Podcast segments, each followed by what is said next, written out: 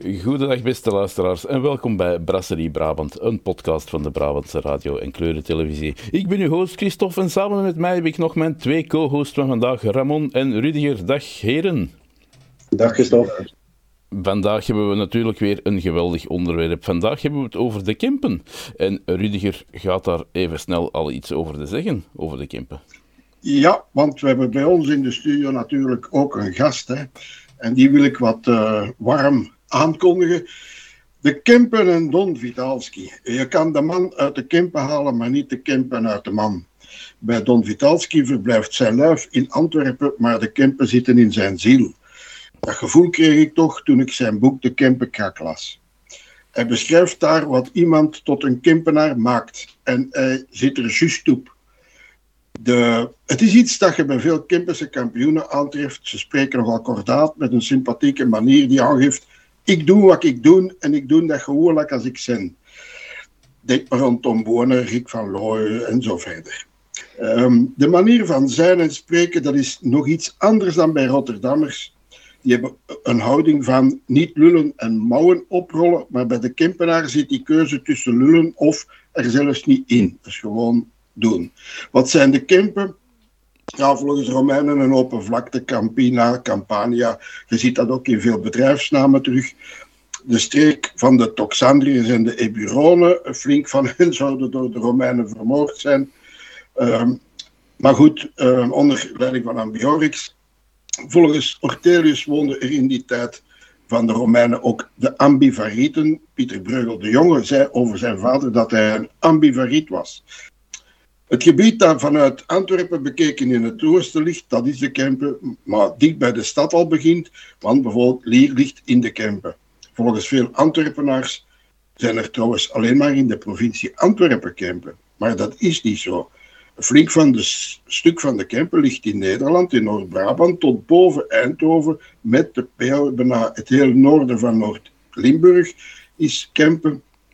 De zuiderlijn is dan weer de, de, lijn van de Ruppeldijlen en het Hageland. En dan nog iets voor taalliefhebbers. De Kempen is een plurale tantrum. Het is alleen in het meervoud. Je kan niet zeggen, ik woon in een camp. Nee, het zijn altijd de Kempen, meervoud. Door de ondergrond, ja, die was arm, maar daar hebben ze wat weten te compenseren. Door in de Kempen had je abdijen zoals Postel, Tongerlo en Averbode. Het was het transitgebied bij uitstek om de haven van Antwerpen te verbinden met de Duits-Oostenrijkse gebieden, het, uh, het, grote lichaam van Europa. Het was ook het gebied van de Teuten. En wat is daar nu typisch aan, aan die Kempen? Het Kempisch plateau is wat hoger. Het is bekend omdat het er altijd in de zomer heter is en in de winter kouder. De inwoners worden dikwijls de kaaikoppen genoemd. Ze woonden vroeger in bokrijkachtige, langwerpige, kwetsbare, arme hoeves. Er werd veel over boekwijd en, en maar poef, het was maar poefzand. Hè. Dus er was weinig op te winnen, veel vennen. En dus er, er was wol, schapen natuurlijk. Hè. En niet zomaar een beetje, want Lier was op een bepaald moment toch wel een, een grote stad. Herentals ook. Zelfs Johanna de Waanzinnige en Philips de Schone zijn getrouwd in Lier. Dat is niet niks. Hè.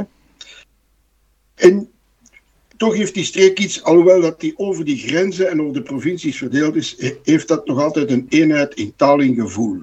Mensen uit de Kempen voelen zich nog altijd meer Kempenaar en Brabander dan Hollander of Vlaming.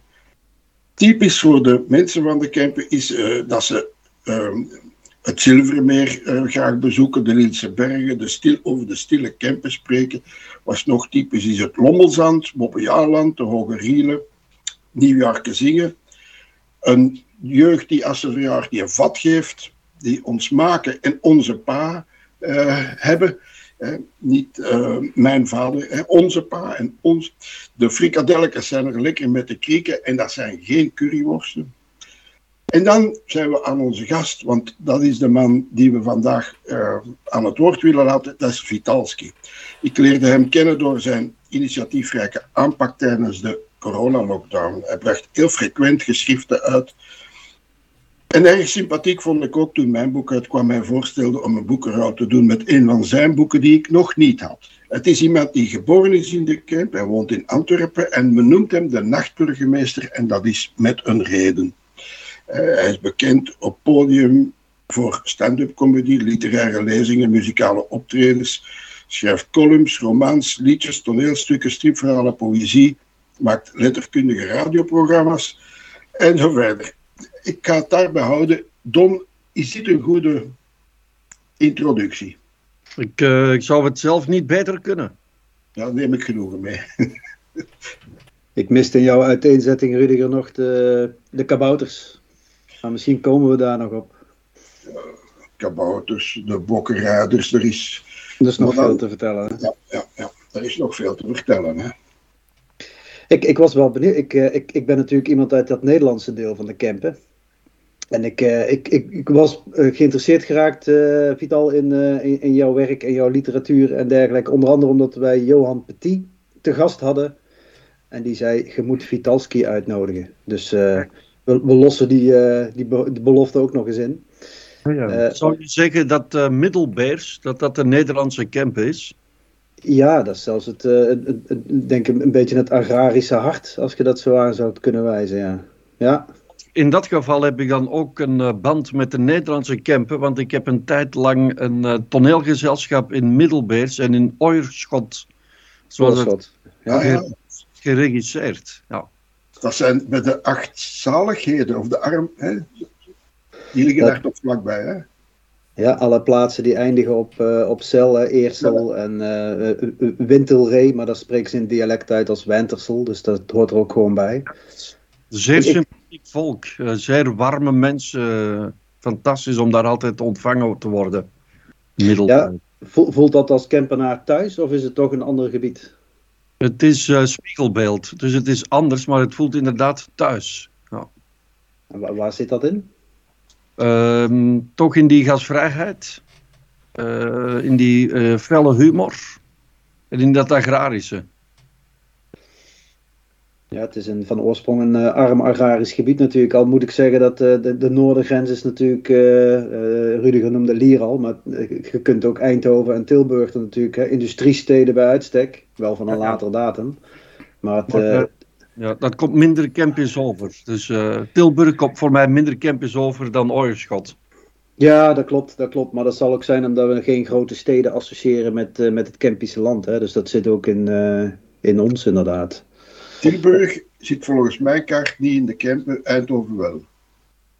Ja, dat is, volgens mij kunnen daar lang over uh, ja. Je hebt dan ook, in mijn boek De Kempenkrak komt er ook een, uh, een, uh, een folkloristische mythe uit Reusel aan bod.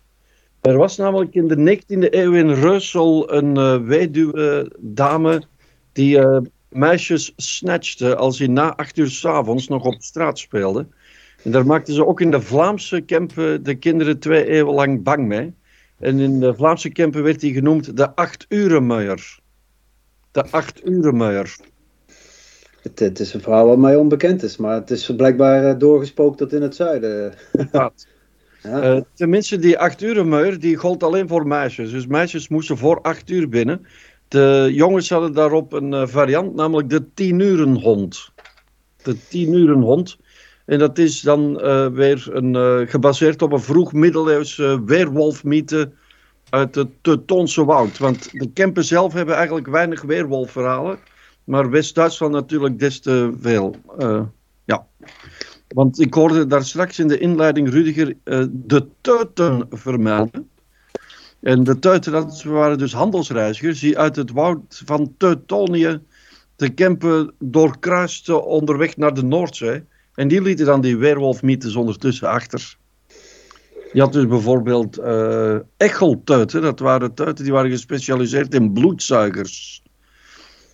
Um, het zou ja. vak maar wezen. Hè? Je werd dan lekker in bokalen verkocht. Die kon je dan op je rug planten als je ziek was.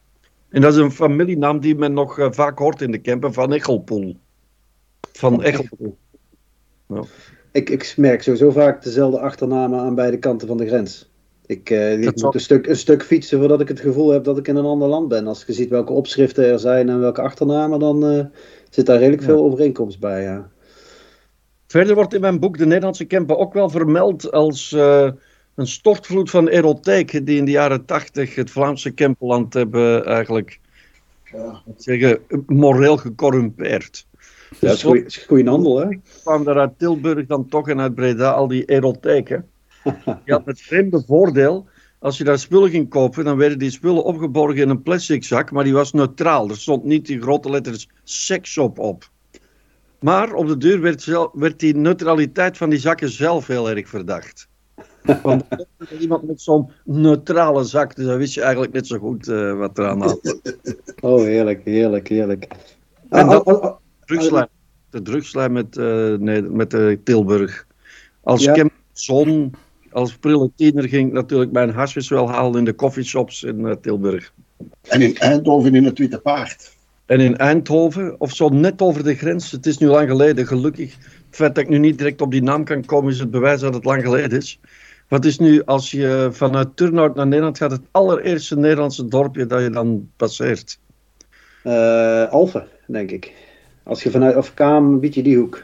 Als je vanuit Turnhout het Wels lijntje neemt, dan, ja. uh, dan kom je in, uh, in Alphen, denk ik. Uh... Zocht er dan maar in ieder geval iets van die obscuriteit, ja. Baarle, denk ik trouwens. Baarle-Nassau, Baarle-Hertog. Ja, dat, dat is ook apart, hè, want dan heb je de meest complexe grens ter wereld. Ja. ja, maar het zijn allemaal Brabanders noemen we dat, dus dan maak het weer eenvoudig. Ja, ja. Een volstrekt gekartelde grens, waarbij een frituur, als je het binnen gaat, dan wandel je Nederland binnen, maar als je aan het tocht staat, sta je terug in België.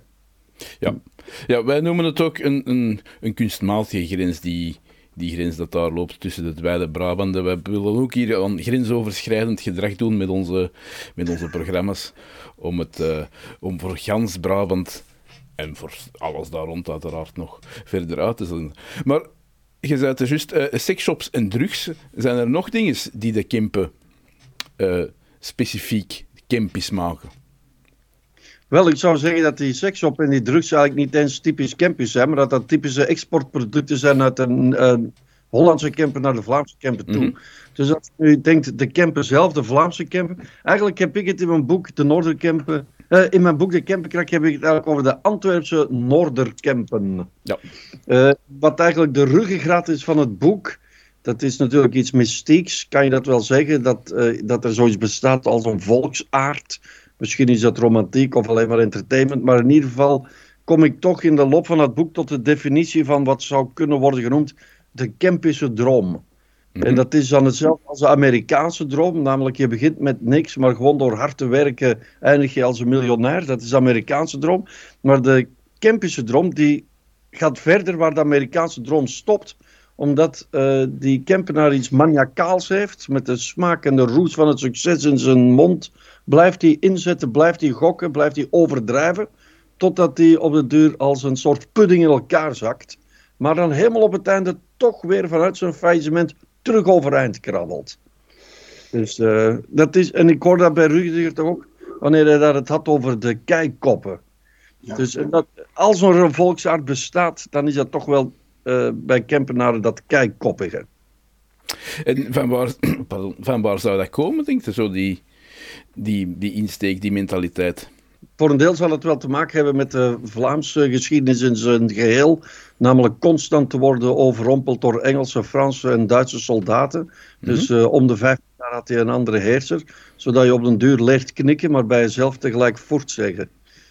Uh, specifiek in de Kempen zal dat dan ook wel te maken hebben met de, bijvoorbeeld de Nederlandse strafexpedities die in 1830 de Kempen hebben overspoeld bij de Belgische onafhankelijkheidsoorlog. Daar hebben Leuvenaars toch minder last van gehad dan uh, mensen uit bijvoorbeeld Ravels. Ja.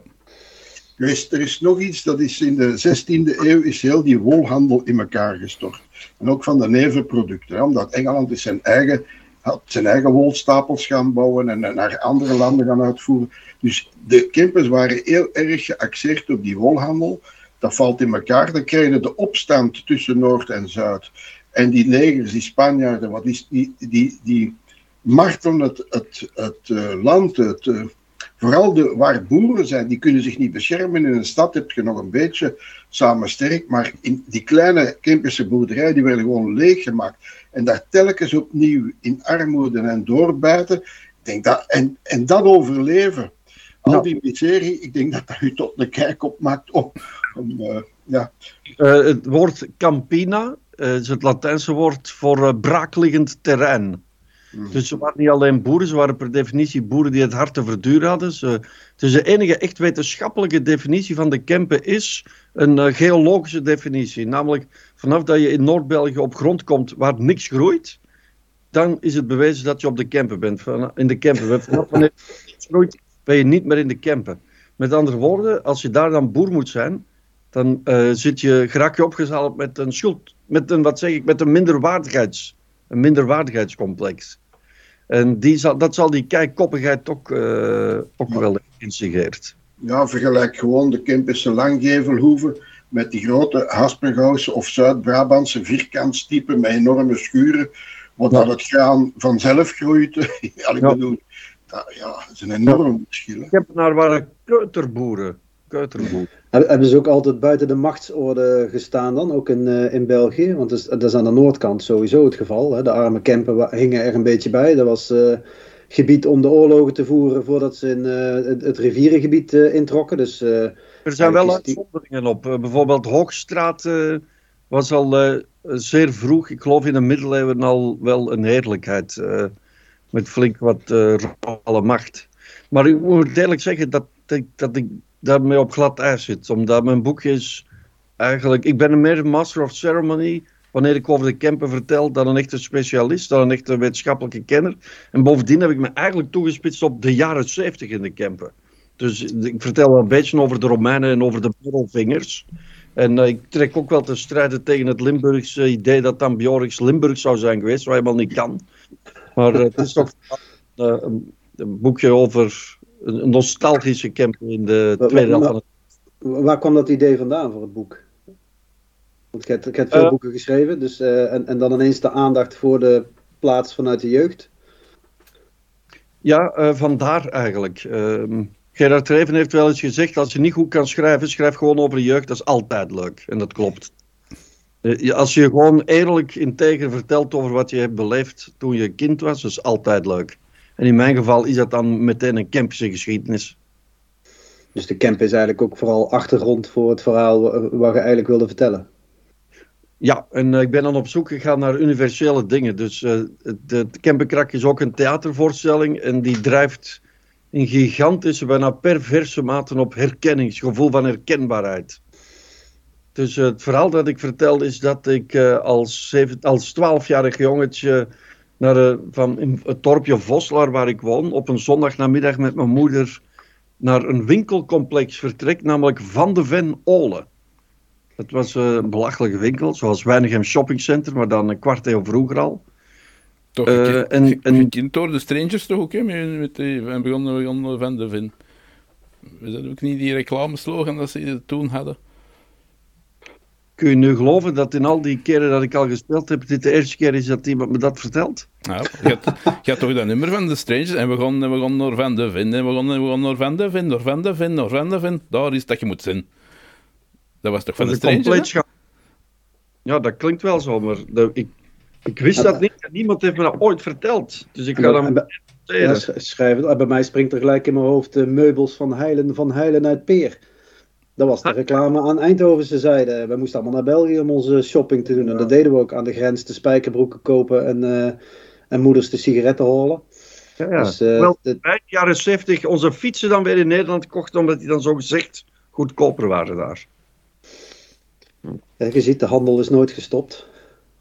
Je kunt er een grens trekken, maar staat en je vertelt, we gingen naar Van de Ven Olle, dan springen mensen bijna recht van, daar gingen wij als kind ook onze posters van Village People kopen. Heerlijk, ja. ja. Zit er nog een vervolg aan te komen op het, uh, op, op het boek? Ja, of dat is alles behandeld. Heb ik nu ook die meubels bij, uh, wat zei je, in Paal? Ja, in Peer. Peer ja, in dat, Peer. Is, dat is, volgens mij is Peer net Limburg, denk ik, hè? Ken, heb ik ook genoteerd, want ik ben al bezig met een verzameling van materiaal voor de Kempenkrak 2. Simpelweg omdat het zo'n succes is. Dus zoals Rudiger daarnet zei, sinds de lockdown breng ik om de zes weken een boekje uit. Dat wil zeggen dat ik nu sinds het uitbreken van corona al 15 boeken heb gepubliceerd. Maar uh, dat boekje over de Kempenkrak verkoopt net zo goed als in 14 andere boeken samen. Ja. Dus, dus als een echte kuiterboer begrijp ik dan ook dat ik zo snel mogelijk een Kempenkrak 2 uit de grond moet stampen. Ja, Men- ja, mensen ja. zijn fier op hun Kempenaren zijn. Hè? Eindelijk, en vroeger niet. Dat is ook een kentering. Dus eh, mensen hebben zich jarenlang moeten schamen om hun Kempische afkomst. En sinds een jaar of vijf, zes nog maar, is daar in Vlaanderen een eh, emanciperende beweging bezig. Eh Kempens, Kempen Life Matters. Kempen, Kempen Life- Lives, Kempen Lives Matter, ja. Ik, ik kan me ook nog een eh, overeenkomst in dialect eh, herinneren dat ik Tom Bonen, eh, de, de Rudiger noemde het al, op televisie zag. En die, die kwam over de finish en die, kreeg een microfoon onder zijn snuit geduwd. En werd gevraagd hoe, ging de koers. Ze zei, ah, ik, moest, ik moet eerst even tuffen. Ah ja, schitterend. En ik wist gelijk wat hij moest doen, maar de, de, de geweten commentaar op de, op de, op de eh, Belgische televisie was van, eh, waar zit de mens? Ik heb geen idee wat hij bedoelt. Ah ja, hij, hij zal spugen bedoelen of Ze zullen, ze zullen het moeten slikken en ze zullen die taal moeten leren. Want de Kemper die laat nu echt wel een poepje raken. Want je zegt niet Tom Bonen, maar bijvoorbeeld Wout van Aert. Dat is, ik weet weinig van Ja. sport. Het is toch fenomenaal wat, wat voor een geschiedenis dat hij aan het schrijven is. Hè?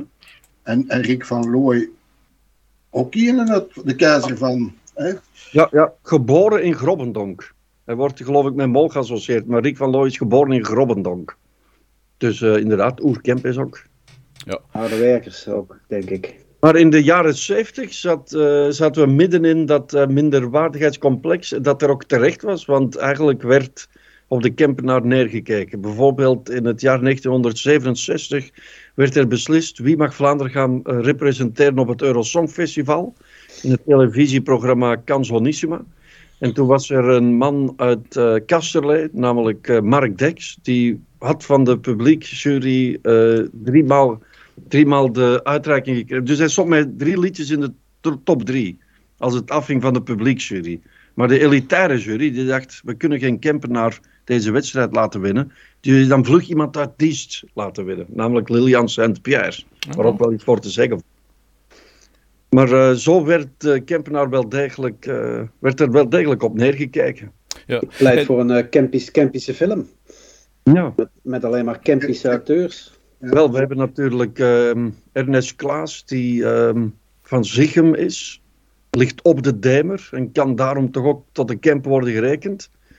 Dat is eh, zeer filmisch materiaal. Dus eh, De Heren van Zichem, zowel de film De Witte als de serie De Heren van Zichem, dat is wel ook wel filmgeschiedenis, ja. Ja. Maar En- op het moment is waarschijnlijk de geesten niet rijp voor Vlasgaard-films. Films Hmm. met boerenklompen. Nee. Dat denk ik ook niet. Omdat je daar zegt van dat niet fier zijn. Het is natuurlijk ook zo heel lang geweest dat mensen eh, uit de Kempen gingen werken met busjes buiten, buiten het gebied, hè, naar Antwerpen, naar Brussel. Ik denk, moest je nu op een autostrade alle witte busjes die daar met negen man mogen inzitten, tegenhouden, ik denk dat er heel veel werven zouden stilvallen. Hè. Nog De- steeds. De Kempenaar is nog altijd bekend als iemand die aanpakt en die werk verzet. Hè. Ja, ja. Maar ik dacht in de camper zelf, dacht ik.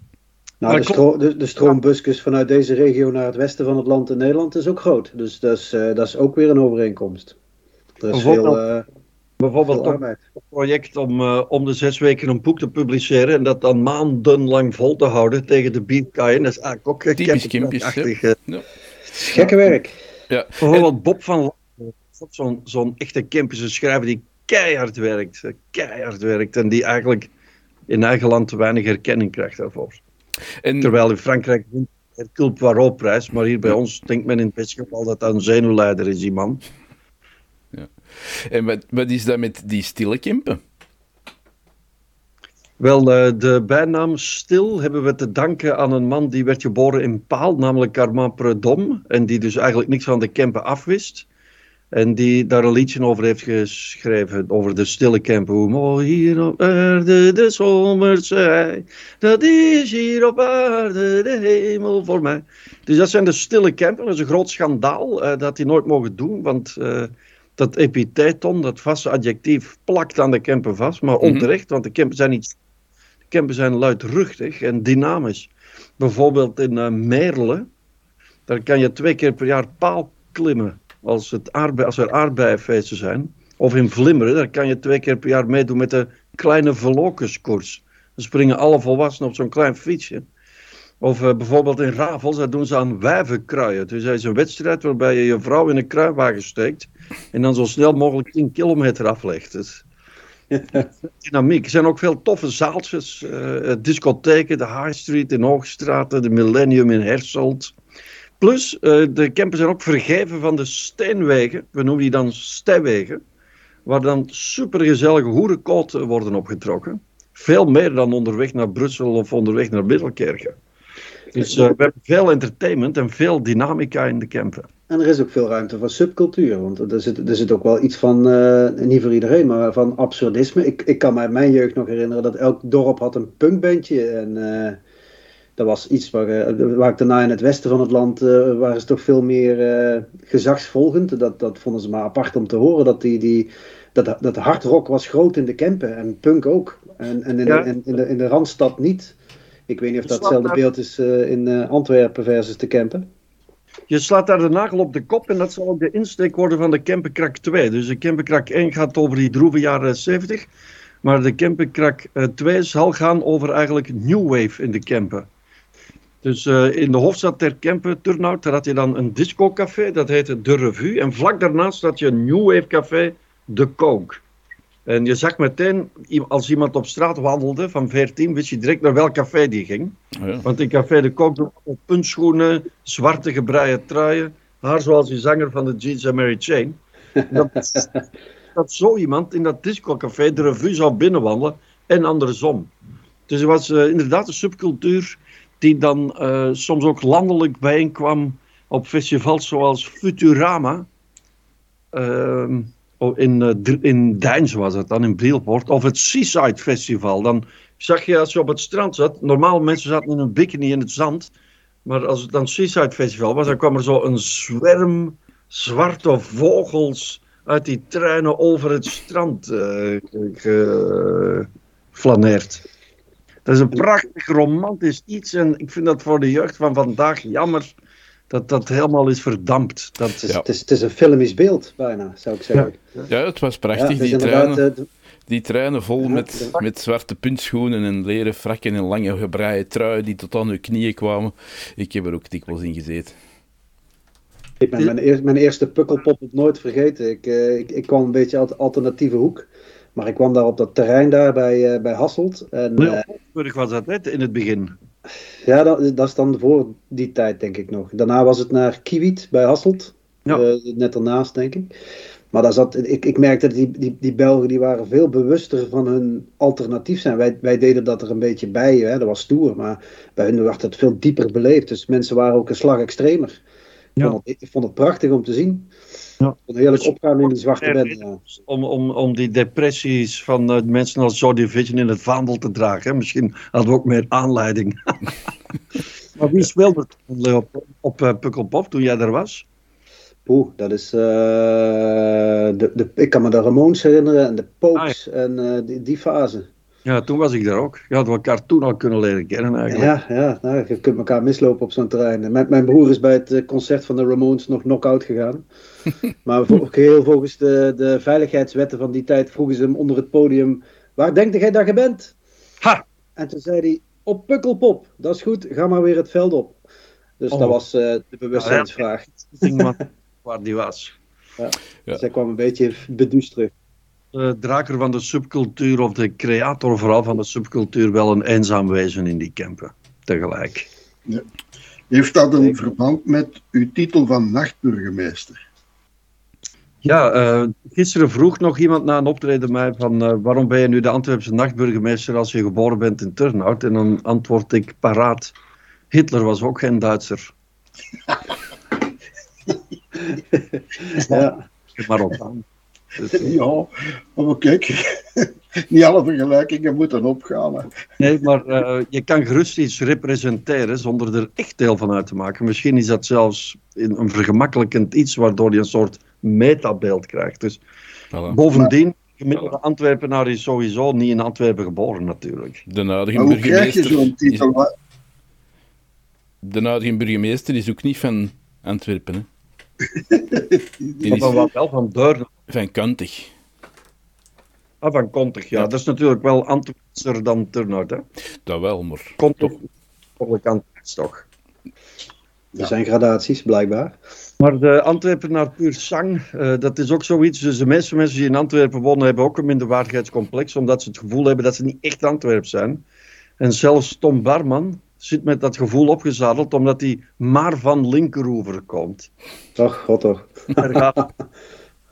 Maar als je op de goede oever woont en bent daar geboren, dan heb je ook niks meer om te bereiken. Hè? Dan is het ook klaar. Dus, dus het streven en het streven, dat zit toch daarbuiten, denk ik.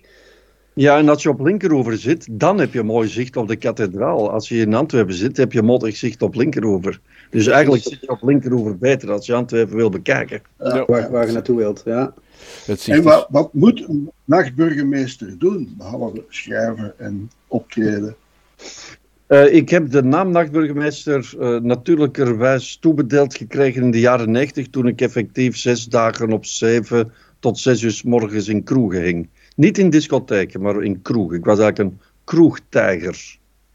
Maar ehm, ik ben dan geleid, op een ogenblik ook eh, officieel tot nachtburgemeester geridderd. Op het zogenaamde Schoonverdiep in het stadhuis door Ja, toenmalig cultuurschep Philip Heijlen. Dus echt met een sabel op mijn schouder met tot ridder heeft geklopt. Maar nu heb ik twee kinderen. En is sowieso, eh, vind ik sowieso het nachtleven afgezaagd. Ik heb dat gezien. Maar ik vind dat ik nog altijd nachtburgemeester ben. Omdat ik nog altijd tot vier uur s'nachts wakker ben. Maar dan gewoon thuis bij de kachel met een boek van Charles Dickens op mijn schoot. eh, dan, ja, ja. Maar in dat Noordcampus, eh, in dat Nederlandse campus, het dorp Middelbeers, is er om de drie jaar een vergadering van nachtburgemeesters. Ik ben dan de enige Vlaming, maar er zijn dan wel dertig nachtburgemeesters uit Dordrecht, uit Amersfoort, uit Amsterdam, uit Ja. Rotterdam, Deelder, want die was er ook twee keer geweest toen hij nog leefde. Het is begonnen door Jules Deelder destijds. Ja. Ja. En toen hebben ze een protocol opgesteld van wat moet een nachtburgemeester doen om die naam waardig te zijn. En daar is een, een, een goed antwoord op gekomen. Na echt een letterlijk eh, debat daarover. En eh, de formule is als volgt. Een nachtburgemeester heeft geen enkele plicht. Een nachtburgemeester heeft alleen maar voorrechten. Mooi. Dus ik ik vind het ben, mooi. eh, ik ben absoluut niet verplicht om eh, heroïne te spuiten en s'nachts onder een auto wakker te worden. Je kunt het invullen zoals je zelf wilt, inderdaad. Wat ik er nu zelf van maak is dat als mijn zoon 16 is of 18, dat ik het dan overgeef. Dat het van Ah ja, het vader het is- zoon. Het is Erf, erfelijk. erfrecht. Ja. Ja. Over mijn zoon gesproken hoop ik niet willen. Dus eh, ik weet niet, maar ik wil ook wel bijdragen tot het beste programma ooit. Dan, Ja. dan, he- dan heb ik nog één, dan heb ik nog één vraag die ik nog even wilde stellen. En, en, en dat is eigenlijk of jij in een ander leven ook motocrosser had kunnen zijn geweest. Om eerlijk te zijn, niet, want ehm, het zou tof zijn om nu te antwoorden. Ja, ik zou het wel willen, want ik vind dat wel een romantisch ding. Zoals bijvoorbeeld Erik Geboers, ook een eh, echte oerkempenaar, die ook volgens een campdroom gestorven is. Is gewoon in het water gesprongen om een hondje te redden. Hondje is gered, hij is zelf verdronken. Dat is een zwaar Maar- verhaal, ja. Een vriend van mij heeft ooit eens gezegd dat hij zelfmoord wilde plegen. En ik zei waarom dan? En hij zei omdat ik zo onhandig ben. En dat vond ik jarenlang een belachelijk antwoord. Waarom ga je nu zelf plegen? Omdat je onhandig bent. Maar ik ben zelf ook extreem onhandig. En in de loop der jaren ben ik beginnen beseffen dat die vriend van me nog niet zo gek was. Want eh, die onhandig zijn, geen vuist in een muur kunnen draaien, is afgrijzelijk. En nu ook gewoon blij zijn dat je de digitale connectie toch maar toevallig aan het werk krijgt. Dus ik ben te onhandig om motor te rijden. Ik heb Dat- ook dat- nog een vraag. En dat is, wie zou jij willen aanraden om, aan ons om eh, een keer te gaan interviewen of voor zo'n podcast uit te nodigen? Oei, moet ik daar nu ogenblikkelijk op antwoorden? Ja. Nee, je moet nog nadenken over de, voor- de andere vraag. Welke zijn uw lievelingsgerechten uit de camp? De dichteres Monique Bol. Dan heb je ook nog eens een dame op bezoek. Ah, Die, heeft, die, heeft, die is namelijk vorige week gedebuteerd als dichteres met een mooie dichtbundel. Dat komt, Monique Bol. ja, die Goed komt nu spontaan in mij op. wat, wat eet jij graag van typisch Brabants Kempische keuken? Wel, De Kempische keuken, er zijn maar weinig gerechten echt Kempis. Dobbele witjes, dat is een afschuwelijk snoepgoed vol papier dat dan aan je tanden blijft plakken. Dus dat lust ik niet. Dan heb je eh steppengras. Dat zijn Ah, eh, ja. die, dat is ook zeer Kempis, maar ben ik ook niet tuk op. En dan heb je ook nog typisch Kempis de pezerik. En dat is eigenlijk het stuk lichaamsdeel van het varken tussen de balzak en de anus. Dat stuk, dat werd aan een haakje boven de soep gehangen. En dan droop dat, dat vet in die soep als een aroma. Dat zijn pezeriken. Zwal. Zelf uh, ben ik een grote fan van beurling met appelmoes. Maar dat is eigenlijk uh. niet camp is. Ik, eh, ik, ik, die, die, dat hoge cultuurgoed is ook aan, in, in het noordelijke deel doorgedrongen, want ik ken elk gerecht wat genoemd. Maar jij noemt dat niet beuling, hè? Uh, bij ons in dialect wordt het bulling genoemd. Ah, toch? Ja, okay. en, en, en je hebt ook bossen, bossenbeuling. Dus ja. dat ligt dicht bij elkaar. Maar tegenwoordig zegt men gewoon bloedworst, denk ik. Of uh, balkenbrei had ook nog, hè? Dat ja, lijkt daar ja, sterk op. Dat is, dat is een soort kipkap, hè? Dus uh, balkenbrei. Ja, ik zit wel eens ooit naar die reclame van Kentucky Fried Chicken te kijken. Ik denk, het zit er toch niet heel ver naast tegenwoordig, waar, waar je kunt bestellen. Want balkenbrei wordt in fijne schijfjes gesneden met azijn of soms met mosterd, maar normaal met azijn gegeten. Hè. Dat is Ja, typisch ik, heb, Kempisch. eh, ik heb dus een agressieve dochter en die is het kot aan het afbreken. En daarom ga ik, want mijn vrouw kan die twee kinderen tegelijk nauwelijks aan. Ik hoor, ik hoor ze nu echt afbreken. Dan wil ik u ten harte bedanken voor uw bijdrage aan ons programma en veel succes met de Ik kinderen. hoop, dat ik, nog eens, ik hoop dat ik nog eens mag terugkomen. Zeker en vast. Zeker. Zeker voor het vervolg. U kan onze uitzendingen vinden op Anchor, op Spotify, op Google Podcast, op Breaker, maar natuurlijk ook op onze eigen site, de www.b-r-t.be. Daarop vindt u al onze afleveringen. De podcast van de BRT blijft altijd gratis te beluisteren, maar steun is altijd welkom. Ook op onze site kan u een stukje vinden eh, steun en daar kan u steun geven waarmee wij dan onze kosten kunnen dragen. Of u kan ook steun geven via onze partners, de Nieuw-Brabantse Kunst, waar u items kan kopen in onze webshop, zoals Brabantse patches, een Brabantse vlag, een Brabantse pin en ook schilderijen of andere kunstwerken. Ik zou zeggen, ga zeker eens kijken op de Nieuw-Brabantse Kunst.be. Dat was het voor deze keer. Bedankt allemaal en tot de volgende keer.